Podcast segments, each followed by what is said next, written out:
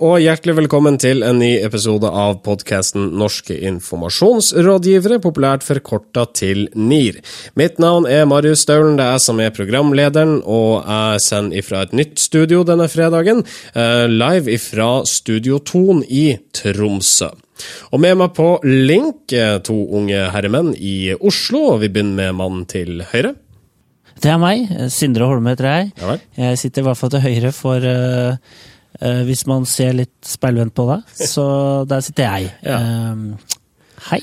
Hallo. Uh, hvordan står det til? Det står veldig bra til. Nå har vi jo Det har vært en veldig begivenhetsrik uh, uke. Vært egentlig ja, veldig spennende å bo i Norge. Viktige ting som har skjedd. Ja. Eh, Før vi går nærmere inn på det, så skal vi introdusere din eh, makker. Hei, jeg heter Marius Torkelsen. Um, jeg sitter da sammen med Sindre her i Studio eh, Pro i uh, Møllergata. Eh, og som Sindre så har jeg også syntes det har vært en helt fantastisk uke sett med norske øyne. Ja. Eh, det er gøy å leve i Norge når eh, sånne store ting eh, skjer med oss. Ja, for det har, det har vært ei helt spesiell eh, uke. Eh, Ei uke mange kommer til å huske lenge.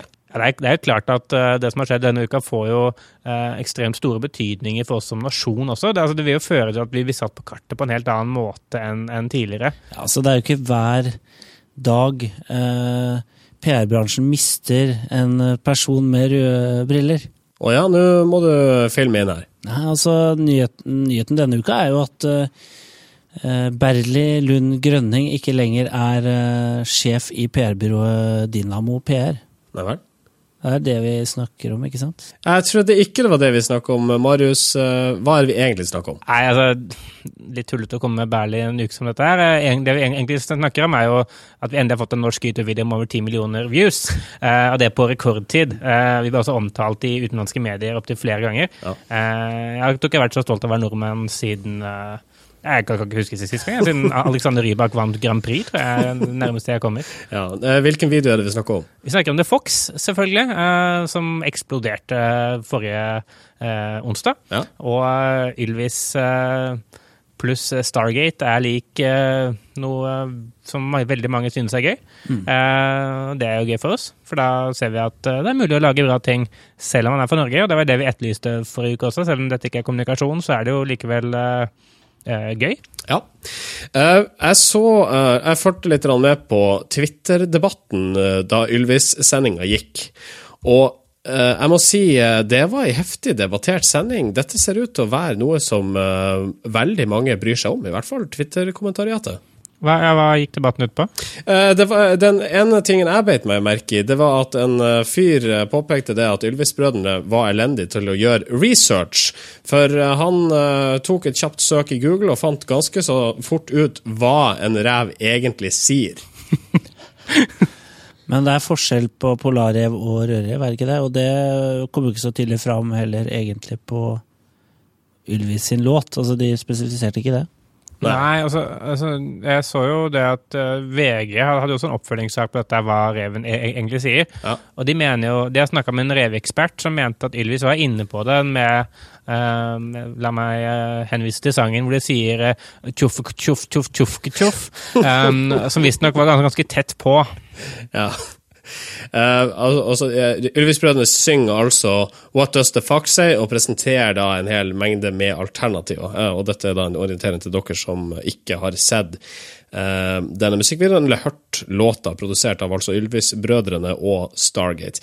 Eh, vi kan eh, spille et lite klipp her, bare for å fortelle dere alle hvordan en, i hvert fall en rødrev høres ut.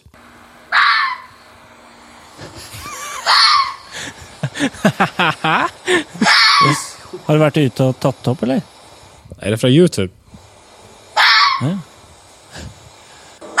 Men eh, ja, det, de lager sikkert forskjellige lyder ut fra om de parer eller eh, Blir torturert. ler av andre. eh, blir torturert, for eksempel. Torturlydene er noen ganske andre enn ligge med andre ræver-lydene. Det kommer an på om det er Frivillig eller frivillig. Ja.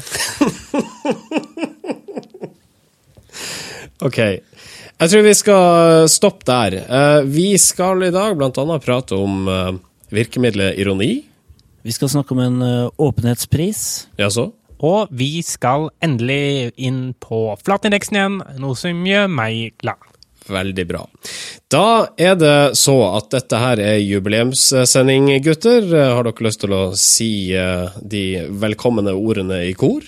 Uh, velkommen til sending nummer 40. Velkommen til sending nummer 40. det er ikke sånn vi her i nord uh, snakker i kor, men det er greit. NIR episode 40.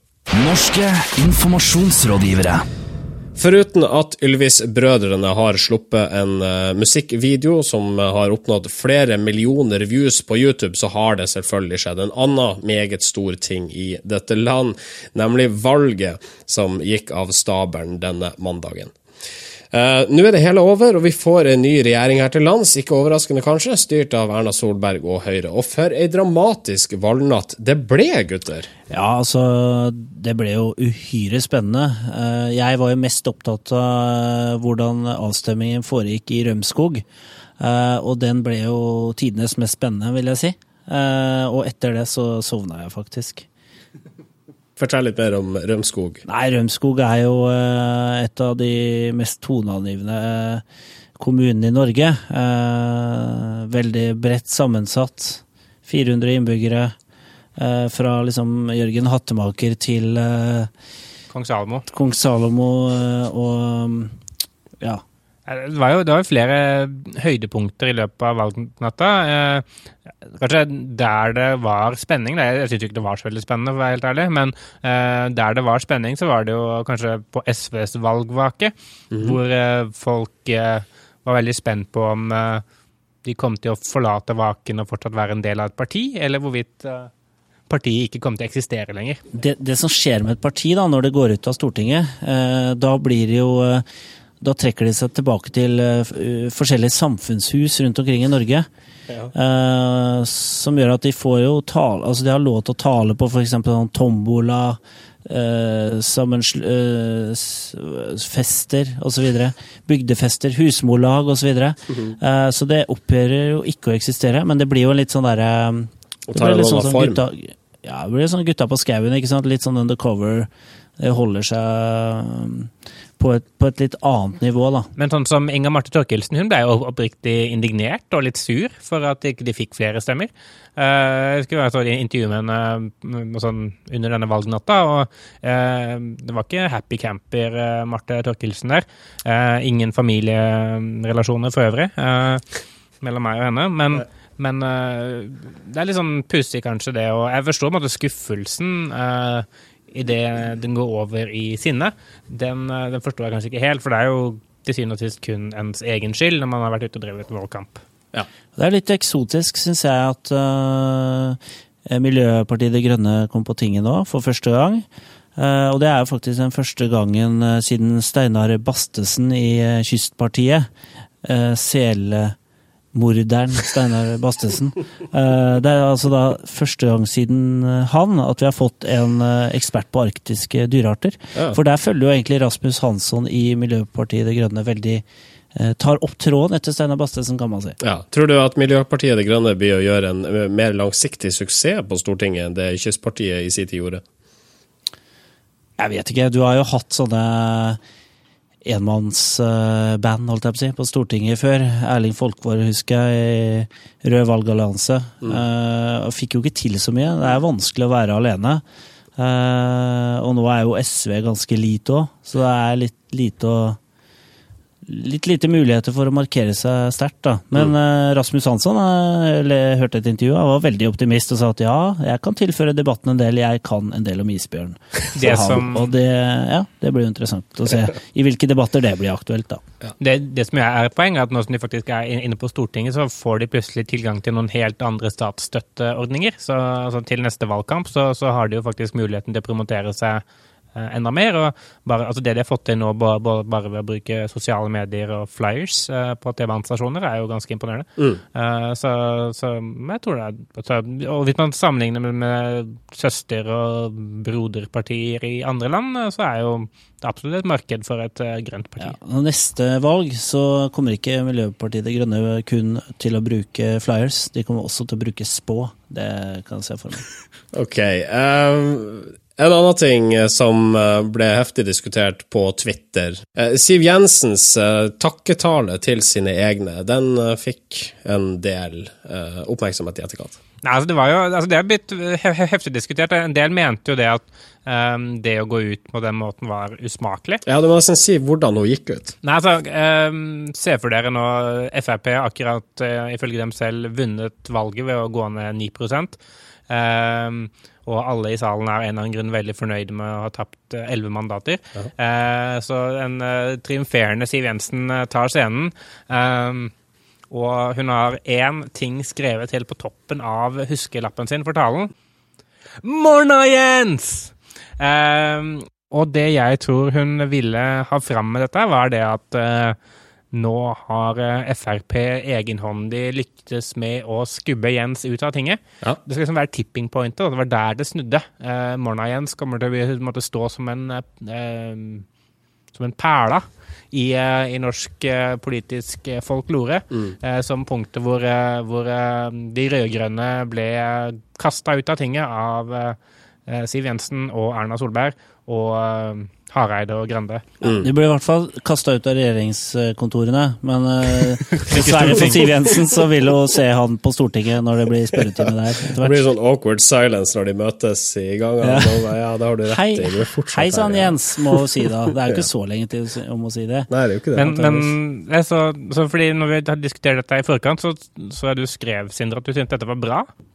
Eh, Jeg syns ikke det var så ille, for jeg, jeg tenker at på valgnatta så eh, så holder jo partilederne tale til sine egne, først og fremst. Det er klart at TV-mediet og TV, at det blir direktesendt på TV, gjør jo det komplisert å holde en sånn tale. Men jeg tenker sånn for de Frp-erne, så tenker jeg at det var en bra tale. Selv om det høres litt ut som det er Mossa fra Rorbua, og det gjør kanskje jo enda mer sånn folkelig.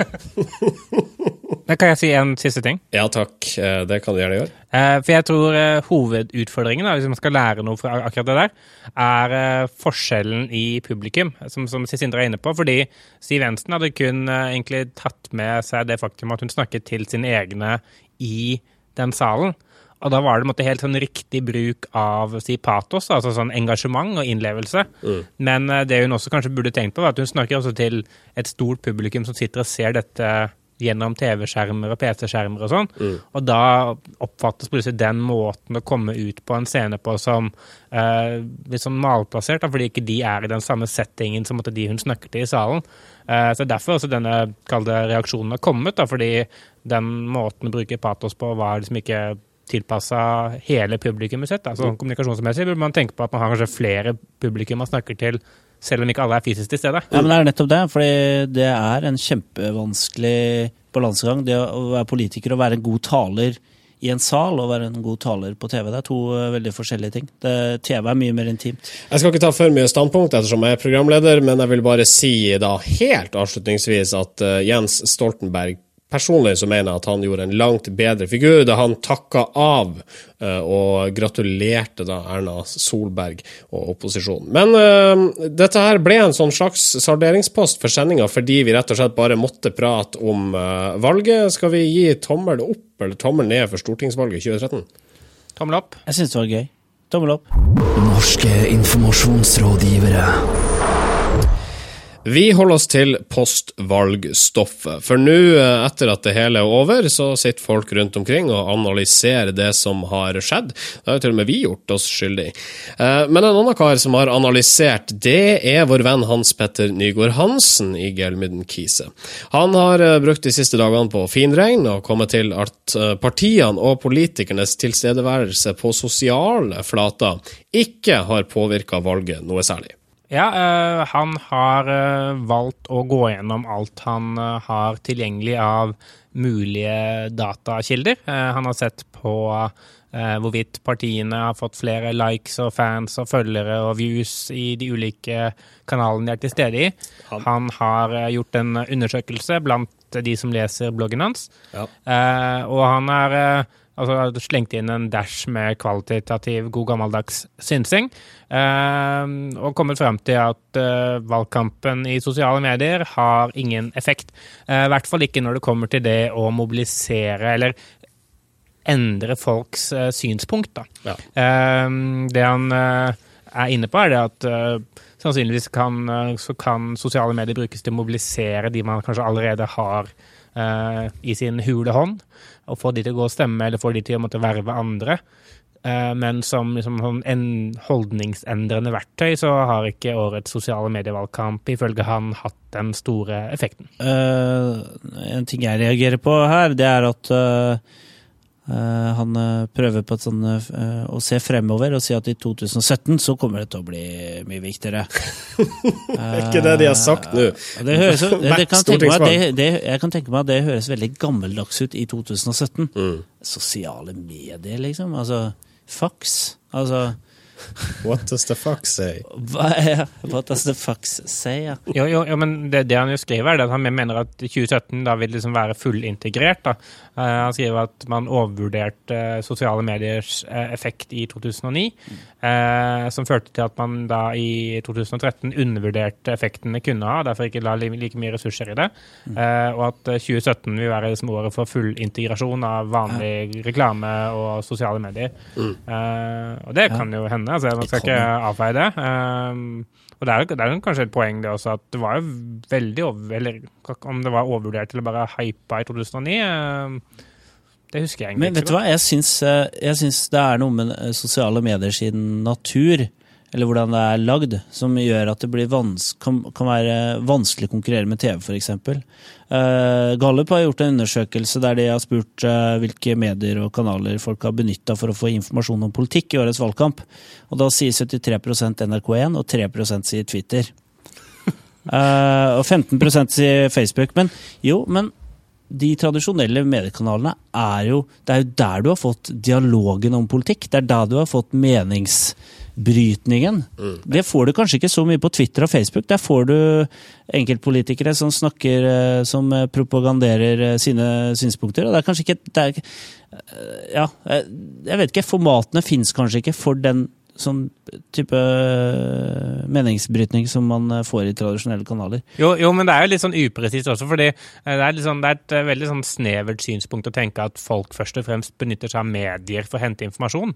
Eh, altså, hvorfor i all verden skal man benytte seg av medier for å søke informasjon? Altså, man, man bruker jo enten søkemotorer eller eh, i den grad man tenker på virke, altså partienes egne kanaler, sånn typisk nettsider eller eh, brosjyremateriell eller hva, hva som helst, eh, for å finne informasjon på ting, ting man lurer på. Da. Mediene er mer sånn man blir eksponert for deres meninger, fordi i valgkampen kan man ikke unngå det. Ja, men er folk egentlig så oppsøkende at de Jeg tenkte da den gemene hot, de fleste av oss nøyer, oss nøyer vi oss ikke med egentlig bare å konsumere dette stoffet hvis eksponert for det. Jo, eh, det, det er helt sant. Eh, og en annen ting som er helt sant, er det at eh, eh, Jeg så en rapport på at vi som mennesker da, i eh, menneskets historie har aldri hatt tilgang på flere kilder eller eh, flere mennesker som er helt enige med oss, fordi vi helt aktivt eh, søker opp eh, folk å følge og folk å omgås med digitalt, kilder å lese som er enige og som bekrefter våre synspunkter. Eh, vi aktivt velger bort alle som er uenige eller provoserer oss eller virker eh, dumme eller teite. Eh, og det er nettopp en sånn ting som gjør det veldig vanskelig å drive valgkamp, for det er veldig veldig mye lettere å få bekreftet sitt e- eget synspunkt enn det er å få liksom, endret det eller avvist det. Fordi det er, kan alltids finne en kilde for det, eller noen som har mange følgere på Twitter som er enig med deg, og da virker det, virker det legitimt. Eh, så måtte det å benytte sosiale medier for å endre folks holdninger, har jeg eh, spesielt når det kommer til sånne ideologiske, dypt personlige spørsmål som man kan si politisk parti er for mange, eh, det tror jeg er vanskelig. Jeg må si en annen ting som, som slo meg med sosiale medier i etterkant av valget Blir det helt at jeg- avslutningsvis? Ja, helt avslutningsvis. Ja. Som et lite apropos. eh, det var at min Jeg følte at min Facebook-feed var litt sånn som kommentarfeltene eh, var eh, før valget, eller eh, har vært i nettavisene. Bare med litt sånn ne eh, Bare litt andre folk i skurkerollene. Eh, her var det liksom Siv Jensen og Erna som var eh, helt forferdelige, og ikke Jens og og SV, som det ofte er i, som ofte får skylda i kommentarfeltene. Og så tenkte jeg sånn, jøss, er det sånn det skal bli i kommentarfeltene framover nå? Nå kommer alle de som ikke Uh, eller som ikke stemmer Høyre og Frp, til å være usaklige uh, Ja, i kommentarfeltene. Ja, ja, ikke sant. Ja. Ja, det blir jo spennende å følge med på det.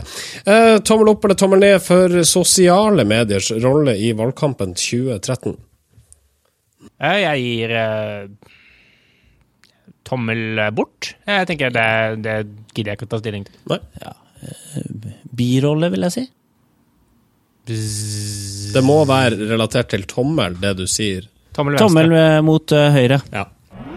Norske informasjonsrådgivere. I forrige uke så diskuterte vi denne Brennpunkt-dokumentaren om PR-rådgiverens makt. Denne gikk på TV for ikke så lenge siden, NRK1 nærmere bestemt. Halv makt i denne sal, het den, eh, hvor det sedvanlige kritiske søkelyset ble retta mot landets kommunikatører. Onsdag så ble det kjent at programleder i Brennpunkt, Håkon Haugsbø, han har bestemt seg for å skifte beite. Og hvor skal han nå? Jo, til Kirkens Nødhjelp som kommunikasjonssjef. Og som de angivelig sier på Sørlandet, jaså? Jeg, jeg syns jo dette er øh, kanskje eh, vi er- tidlig på høsten, men det er høstens sak. Jeg syns det er helt fantastisk når, sånne, når stjernene liksom bare står i linje og sånne, sånne ting skjer. Uh, uken etter uh, PR-rådgivere er farlig med skummel musikk-dokumentaren, så går altså da denne personen som har hatt ansvar for å lage den, sammen med flere, uh, over til PR-bransjen. Og eh, jeg vet ikke hva jeg skal si engang, for det er, det, er, det, er så, det er så fantastisk at det skjer. Ja. Eh, han skal bli kommunikasjonssjef i Kirkens Nødhjelp, og eh, man kan jo si at eh, hvis han først skal inn i PR-bransjen, så er det kanskje den minst farlige stillingen i den minst farlige organisasjonen, sånn på overflaten.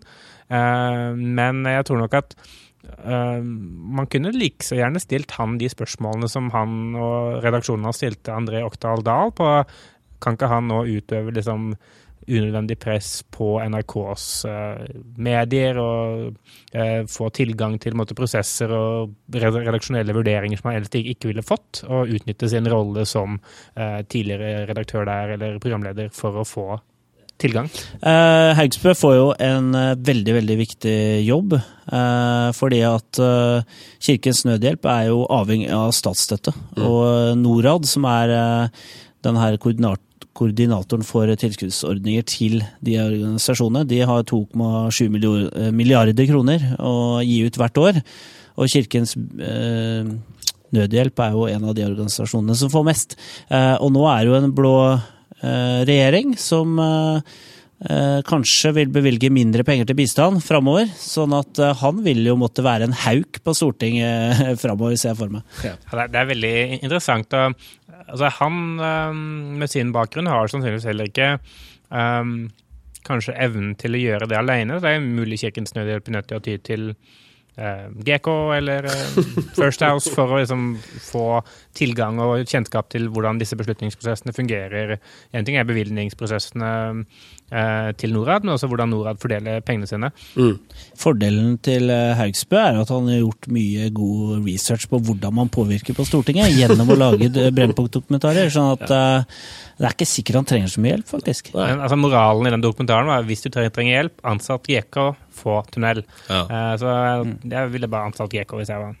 Uh, vi sitter jo her og snakker om uh, antagelig årets mest ironiske hendelse. Uh, like, jeg, jeg ser ingen aviser som har plukka opp på det poenget. Hvorfor ikke NIR-panel? Nei, det er jo denne, disse skitne triksene som journalistene bruker seg, seg imellom. Da. Hvordan de eh, i journalistnettverkene sine sørger for at eh, omtalen eh, dem imellom ikke skal liksom, gå utover eh, hverandre. Og eh, det er helt klart at eh, det er mange journalister, eller mange kommunikasjonsfolk som tidligere har vært journalister, og mange journalister som har jobbet sammen med hverandre i forskjellige redaksjoner, Ja. eh, som, gir åpen for, altså, som gir en åpning for at mange kan påvirke hverandre. Og selv om dette er kun indisier, så konkluderer jeg med at det er sånn. Da skal vi oppsummere denne saken her med de virkemidlene Brennpunkt sjøl benytta seg av. Eh, Sindre, du skal få lov til å fortelle hva historien handler om, og så skal jeg legge litt skummel musikk i bakgrunnen. Etter 20 år i NRK har Håkon Haugsbø sagt takk for seg. Nå begynner han som kommunikasjonssjef i Kirkens Nødhjelp. Tommel opp. Ifølge Nei da, det holder. Ifølge Ja, ok. Jeg tror det holder. Ok. Ja, ok. Det er bra. Ja. Tommel opp eller tommel ned for Høgsbø? Tommel ned. Tommel ned. Norske informasjonsrådgivere. Og når vi først snakker om PR-bransjen, så er det vel et velkjent og anerkjent faktum at den fremstår som eh, lukka. Eh, Kanskje til og med også for oss som sitter midt i den. Eh, Nå ønsker Kommunikasjonsforeninga en endring her, og lanserer nå en egen åpenhetspris. Den går til personer eller virksomheter som bidrar til åpenhet i dette faget. Shabana Rehman, komiker og faktisk også sentralstyremedlem i Kommunikasjonsforeninga, sier at eh, de vil at den som vinner, faktisk bidrar til en åpenhetskultur, fordi åpenhet i det lange løp er det beste. Ja, eh, Kommunikasjonsforeningen er nå ute og prøver å eh, gjøre sitt for å skape en mer åpen bransje. Eh, og Det er jo selvfølgelig lett når du har eh, 80 overvekt av offentlige ansatte som har en såkalt informasjonsplikt på ting de gjør. Eh, da må man jo være åpen. Eh, men jeg, jeg, syns, jo litt spøk til side at det er et godt, eh, godt initiativ, og det er jo også viktig eh, at eh, en bransje organisasjon gjør noe sånt her, nettopp for å kunne snakke om at vi belønner og berømmer åpenhet. Eh, for det er, jeg tror at dette er mer et mediestunt enn det er noe annet. Ok, det må du nesten forklare nærmere. Nei, for jeg tenker det at uh, uh, PR-bransjen, kommunikasjonsbransjen, har fått mye kritikk for at vi er lukket. Uh, vi trenger en eller annen mekanikk eller et eller annet som gjør at vi får eh, måtte, bevist at vi forfekter åpenhet, uten at vi trenger å si det hele tiden. Eh, derfor lanserer vi en åpenhetspris og gir den til noen som har vært flinke til det. Altså, det, gir, det, gjør, det endrer jo ingenting. Det er egentlig ingen som trenger å endre, å måtte endre måten de gjør ting på, eller som trenger å uh, tilpasse seg. Men man deler ut en pris og får presse på at kommunikasjonsbransjen hedrer de som er åpne. Oi, var oi, oi, oi, oi. forsterkning. Litt av brannfakkel du slenger der, eh, slenger ut uh, der, Torkelsen. Ingen trenger å åpne seg mer, vi bare deler ut en pris til den som er mest åpen av oss. Spørsmålet er vel også kanskje om eh, vi trenger en åpenhetspris. Um, om det er noe sånn veldig presserende. Eh, vi har jo Fritt Ord, som deler ut priser til folk som eh, er modige og, og tør å gå mot strømmen og, og, og, og den slags. Men har Fritt Ord-prisen noensinne blitt delt ut til en PR-rådgiver? Nei, Det det er det ikke. Så, så hvis eh, motivet er at nå skal endelig en PR-rådgiver også få en pris, Ja. så forstår jeg det. Ja, ok. Ehm, har vi noen åpenbare kandidater til en slik åpenhetspris, eh, slik dere analyserer det norske PR-landskapet? Nei, det, altså, vi har jo uh, Jens Stoltenberg, som var åpen om at han ikke er noe flink til å kjøre taxi. Ja, Siv Jensen, som var åpen på at hun ikke likte Jens Stoltenberg noe særlig. ja vel. Eh, og Jens Stoltenberg, som eh, var åpen om at han ikke ville kommentere eh, om han likte eller ikke eh, det at Siv Jensen ikke likte han noe særlig. Ja. Så det går med andre ord ikke til noen kommunikatør, denne Jo, nei, jo for å ta, ta noen som måtte befinne seg i kommunikasjonssfæren, da, eh, så syns jeg kanskje at eh, eh, Hans Gelmeiden, kanskje? Hans Gelmeiden for å snakke fra levra. Ja, Eh, rett fra sådan. Ja. Og faktisk stille opp eh, intervju til Brennpunkt. Det, ja, why not? Ja, hvorfor ikke? Det er vår kandidat. Ja. Uh, tommel opp eller tommel ned for initiativet fra Kommunikasjonsforeninga om en åpenhetspris. Uh, åpen uh, En åpen hånd. Utstrakt hånd fra meg. Ja, jeg synes også altså, Jeg kan, kan ikke si tommel ned til en åp- åpenhetspris. Eh, det ville vært litt rart, så jeg sier tommel, tommel opp. Du kan ikke annet si, du er basta bundet. Norske informasjonsrådgivere. Og da er det klart for noens favorittspalte, og den eneste faste spalta i dette programmet som ikke har egen jingle, det tar jeg på min kappe, det er klart for Flatindeksen. Ja, det er det endelig. Og eh, august har vært eh, den flateste måneden noensinne. Jaså. Ja, vi har rekordflatlegging. Eh, og jeg skal gå, komme litt tilbake til liksom, hvorfor jeg tror det er det. Men jeg, altså, jeg bare si at tallet vi har for august, er 47. 47, mine damer og herrer. Eh, Torkelsen, eh, fortell kort om motivasjonen bak flatindeksen. Flatindeksen eh, er jo eh, en, eh, en sånn pulsmåler på, kall det mediebildet, hvor vi ser på hvor mange det er som driter seg ut på en eller annen måte. Og så, når de blir konfrontert med at de har driti seg ut, så legger de seg flate, og så blåser stormen over. Ja.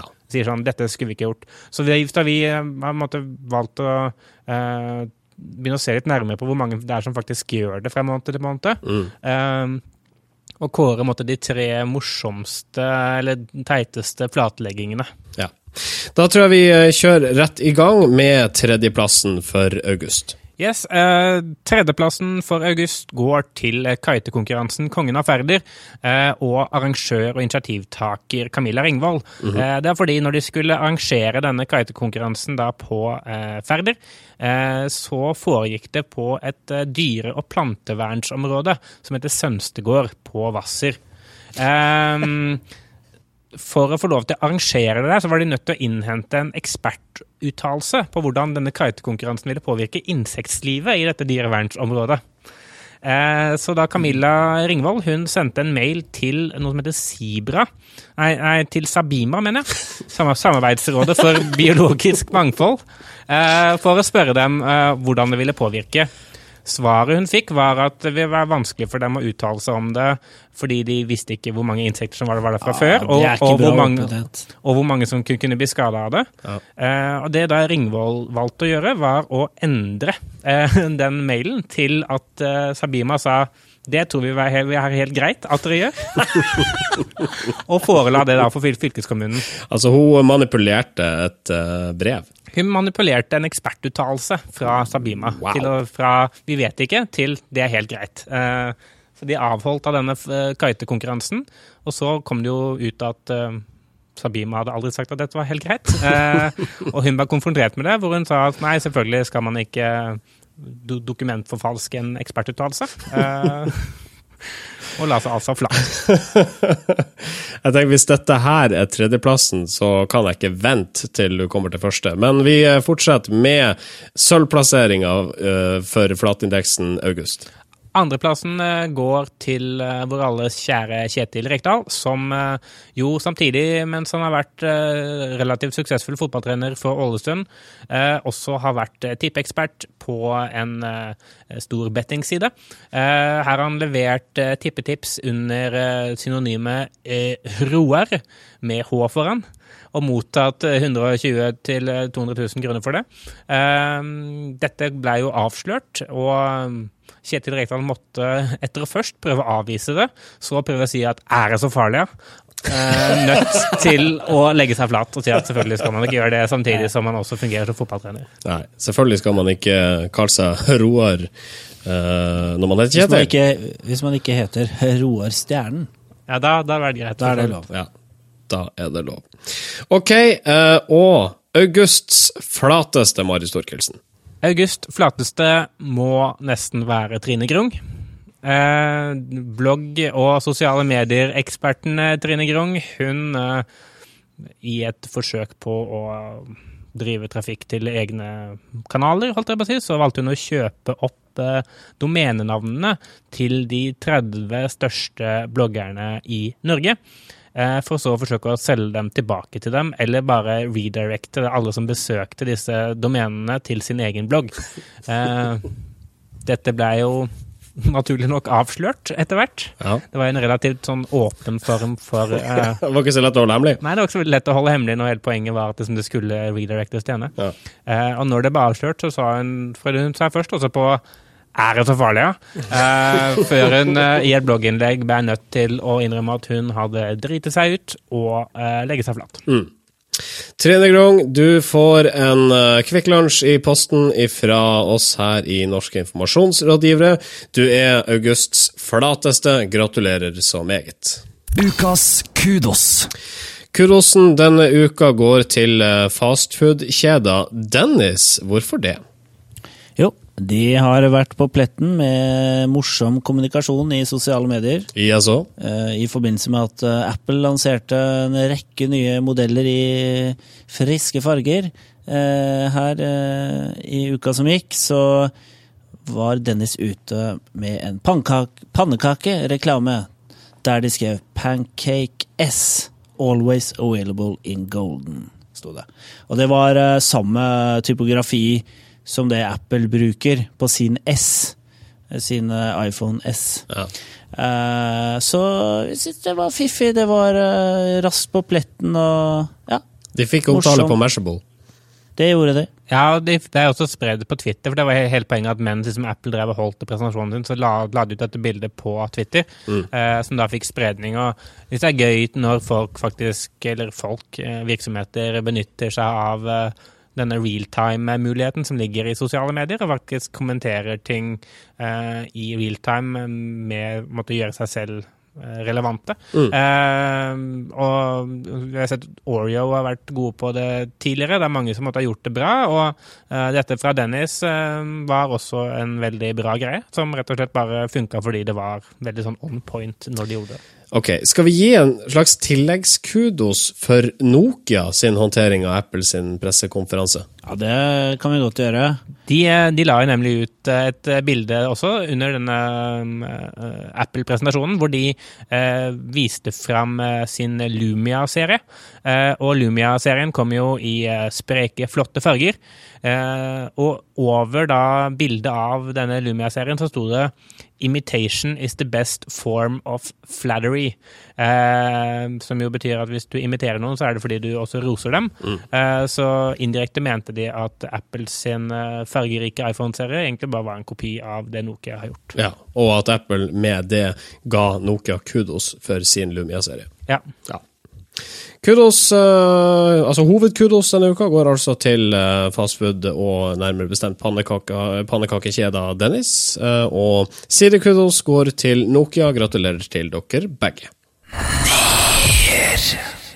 Dagens sending går mot uh, slutten. Jeg tror vi skal prate litt om uh, regjeringsskifte før vi går av lufta. For Erna Solberg hun har jo nå en stor jobb eh, foran seg i å legge den uh, berømte kabalen. Og dette her, det er jo spennende greier. Ja, det er, det er jo fantastisk spennende. Vi skal jo få en hel ny kortstokk med ministre. Ja. Eh, og vi er jo eh, såpass eh, framsynte at vi kan jo ikke holde oss unna det å prøve å hjelpe Erna litt, eller i hvert fall komme med noen prognoser. Ja, eh, jeg så at Unibet annet driver og deler ut odds nå eh, til eh, forskjellige ministerkandidater blant representantene fra de nye regjeringspartiene. Sindre, har du noen eksperttips du har der? Jeg har det. Jeg, mye, altså det ligger an til, i hvert fall etter det jeg har plukka opp, så ligger det an til at Bård, Bård Hoksrud blir sosialminister. Og det er fordi at han, eh, han kommer til å bringe inn et helt nytt perspektiv i prostitusjonsdebatten, f.eks. Og skape rom for nytenkning innenfor et felt som har vært fastlåst. Altså det, det er jo en politikk som ikke har fungert de siste åtte åra. Eh, Så der vil vi antageligvis få et nytt, helt nytt perspektiv. Jeg tror også det at eh, eh, vi må jo se på hvordan vi kan balansere dette eh, ryktet vi nå har fått på oss som litt fremmedfiendtlige ved at eh, Frp har blitt eh, regjeringsmedlem, eh, ved å få Abid Raja som utenriksminister. Ja, og under utenriksministeriet så vil vi også få et departement, faktisk. Ja. Og det er et Syden-departement som blir bes bestyrt av Carl I. Hagen eh, for å egentlig serve særlig da Spania, Hellas og Bulgaria. Eh, vil han ha ansvar for under Utenriksdepartementet. Så departementssjef for Syden. Ja, altså det som går for å være Syden.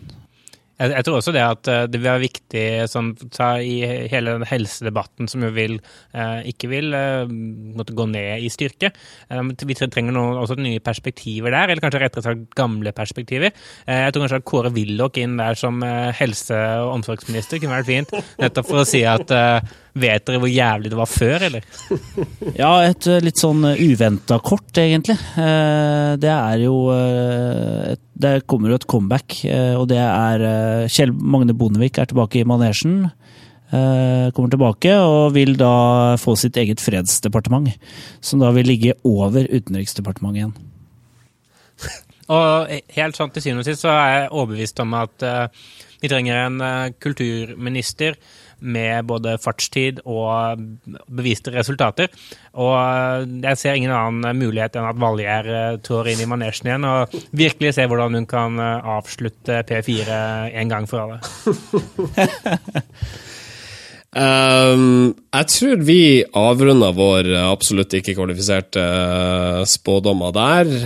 Um, og jeg tror vi heller konsentrerer oss om ting vi kan, nemlig å si de forskjellige flatene folk kan kontakte oss på. Uh, lik oss gjerne på Facebook, uh, Facebook om du vil.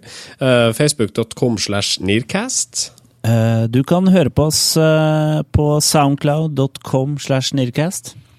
Og du kan selvfølgelig bli venner med oss på Facebook. Det var det jeg sa.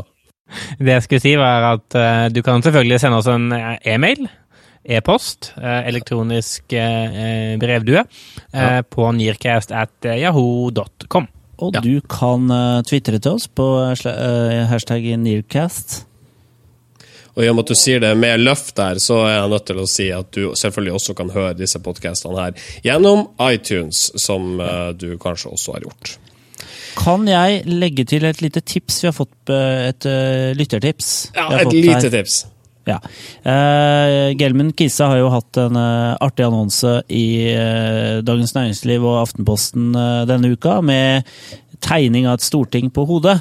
Eh, og der skriver de til deg som har fått hverdagen snudd på hodet. Rett over gaten etter tidligere statsråder, statssekretærer og stortingsrepresentanter. Og da har jeg fått et innspill her. eh, at uh, veldig mange politikere er halvstuderte røvere. Kanskje til og med ustuderte. Livets skolefolk. Hvilke jobber kan man få uten utdannelse? Er vel søppeltømmer og PR-rådgiver, det, da.